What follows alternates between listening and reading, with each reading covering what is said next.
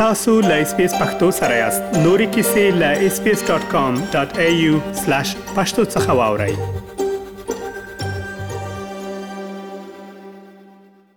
د اس بي اس د پښتو خبرونه محترم اوریدونکو رحیم الدین اوریا خیلم له افغانستانه تاسو ته د افغانستان او سیمې د تیر یوې اونۍ مهمه پیښې په لنډو ټکو وړاندې کوم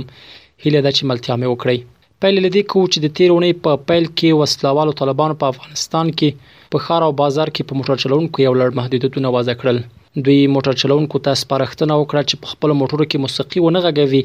او ښځې هم له شرعي محرم پرته چیرته یونیسي. په دې تړاو د طالبان لوري په ټولنیزو رسنیو کې یوه پاڼه لاس په لاس کېدله، خو دغې پاڼې بیا رسمي مهر او لاسلیک نه درلود. په دغه پاڼه کې ټکسي چلوونکو ته ویل شوي ول چې له محرم پرته ښځې چې د سفر اندازه یې پنځه څلوېښت میله وي په موټرو کې پورته نه کړي. دغه شان دغه پاڼه کې په موټرو کې پر نشه یي توکو د استفادې بندیز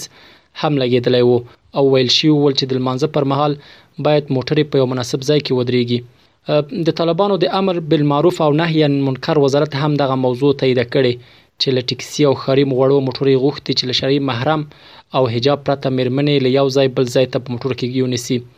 کابل ښاریانو په تیره میرمنو بیا د طالبانو د امر بالمعروف او نهی عن المنکر وزارت د تازه سپارښتنو ته غبرګون ښودلی. دوی ویلي طالبان په دا ډول پریکړو سره هڅه کوي ښځې په ټولنه کې محدودې کړي. اخوا د بشر حقونو د څار بنسټ هم د طالبانو پر دې کړنلارې نیوکه کړې چې پر ښځو یې محدودیتونه لګولي دي. خو په ټوله کې افغانستان کې طالبانو له واکمنۍ څخه د پاسه څلور میاشتې تیریږي او نږدې سل ورځې کیږي چې لا هم انجونې او خزو ته د زده کړو او کار اجازه نه ده ورکړل شوې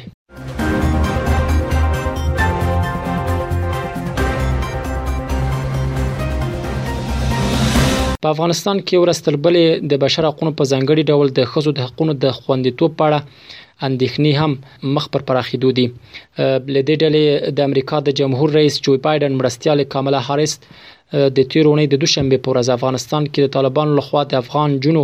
او ښځو سره د روان چلند په اړه اندېښنه ښودلې. هغې د فیس د نېشن خپرونې سره مرکه کې ویلي چې طالبانو لا هم له افغان نجونو او ښځو سره مناسب چلند نه دی رعایت کړی هغه همدارز ویلي له افغان ښځو او نجونو د ملاتړ دوام احساسوي او له همدې امله طالبانو سره کار کوي څو په دې برخه کې خپل اندېښنې او ملاحظات له هغوی سره شریک کړي خو طالبانو بیا د نوموړي د دې اندېښنې په ځواب کې ویلي چې دوی هغه مسولیتونه درکوي چې د افغان ښځو او نجونو پر وړاندې یې لري خو په ټوله کې اندېښنه دا ده چې د ښځو د حقونو په اړه د طالبانو دریز ورو ورو د دوی د نویومې لسیزې حکومت ته ورګرځي هغه مهال افغانستان کې ښځو ته د کار او زده کړې اجازه نه وه بې له محرمه له کوره نشي وتلی او ترخوای د برقو په نوم یو ځانګړی حجاب به ښځو واغوسته.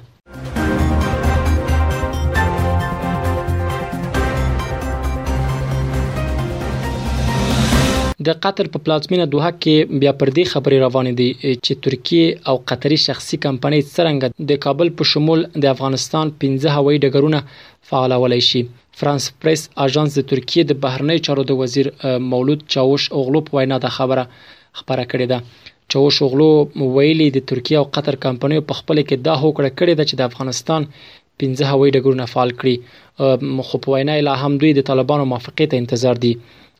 طالبانو بیا په دې اړه ویلي چې دوی له بیلابیلو هیوادونو وړاندیزونه ترلاسه کړي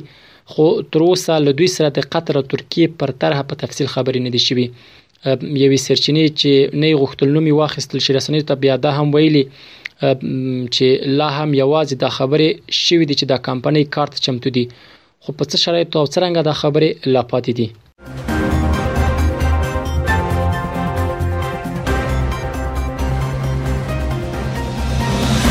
د امریکا ولسمشر د تیر اونۍ د دوشنبه په ورځ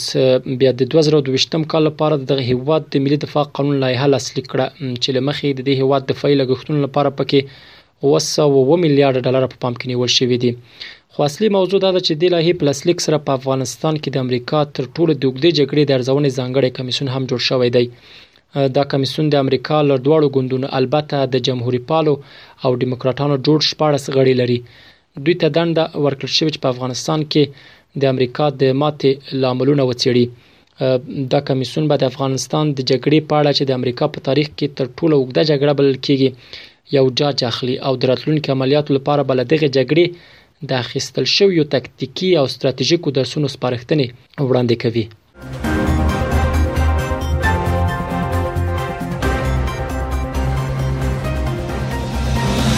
د سازمان شوی جرمونو او فساد په اړه د راپور ورکولو ادارې او کرپ تیرونې د افغانستان مخکنی ولسمشر محمد اشرف غنی نوم د 2021م کال ته تر ټولو فاسد شخص په لیست کې شامل کړ دغې ادارې ویل چې غني یې ځکه د دې جایزې مستحق وګڼه چې خپل ولس یې مرګ او بدمرغۍ ته پرېښودل او له نورو مفسدینو سره یو ځای عربي اماراتو ته وتښتید. یادې پروژې د غني ترڅنګ د بیلاروس ولسمشر الکسندر لوکاشینکو، د سوریې ولسمشر بشار الاسد او د ترکیې ولسمشر رجب طیب اردوغان او د اتریش پخوانی صدراعظم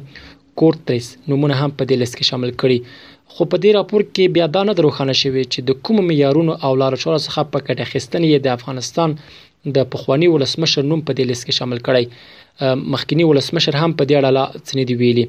خو له دې ټولو سره سره په افغانستان کې بیا په ټولنیزو رسنیو کې په تیره په فیسبوک او ټویټر پاڼو کې دغه مسله د ګڼ شمېر افغانانو له غبرګون سره مخ شوه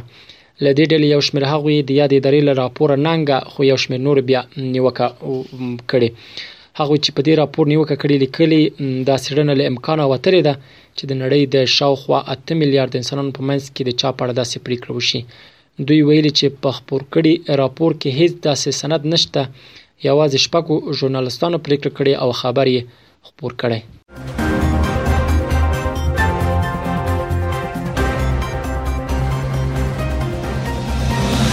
د دې اونۍ د پای خبر هم دا چې د افغانستان پخوانی ولسمشر د تیر اونۍ په پای کې البته د پنځشنبه په ورځ له بي بي سي سره په مرکه کې ویل وروسته له هغه له هیواد ولاړ چې وسلوالو طالبانو د کابل واک تر خپل کنټرول لاندې راوست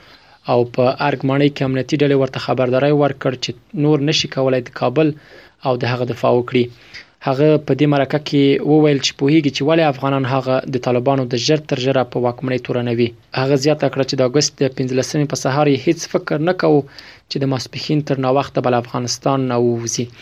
هغه همداراز دا هم وویل چې لوړپوړو امنیتي چارواکو ورته وویل چې طالبان کابل ته د ننوتلو ژمنه ماته کړې او په کابل او ارګ ماڼۍ کې امنیتي ځواکونه سقوط شوي دي ښاغلي غني همداراز وویل چې د افغانستان د ګډوډۍ او کړکېچ ملامتي په دا چل شوې ده او د دې لپاره دا ملامتي مني چې پر نړیوالو شریکانو یې باور وکړ او دا یې لویه تېروتنه وه چې پر وینا یې په دوامداره توګه په د فشار راوړی وو او د د واک محدود کړی وو دا په داسې حال کې ده چې له کابل تر وتلو وروسته پخوانی ولسمشر محمد اشرف غنی یوازې پر خپله شخصي فېسبوک پاڼه تر دا مهاله راڅرګند شوی و او دا یې لومړی ځل و چې د یوې نړیوالې رسنۍ له لارې یې د کابل د سقوط په اړه خبرې خپرې شوې. دا و د افغانستان او سیمې د تېرې یوې اونۍ مهمې پېښې چې ما تاسو ته وړاندې کړې. تر بیا ښې چارې. اس پی اس پختو په فیسبوک کې تا کې پلی مطلب یو فاک کړئ نظر ور کړئ او له نورو سره شریک کړئ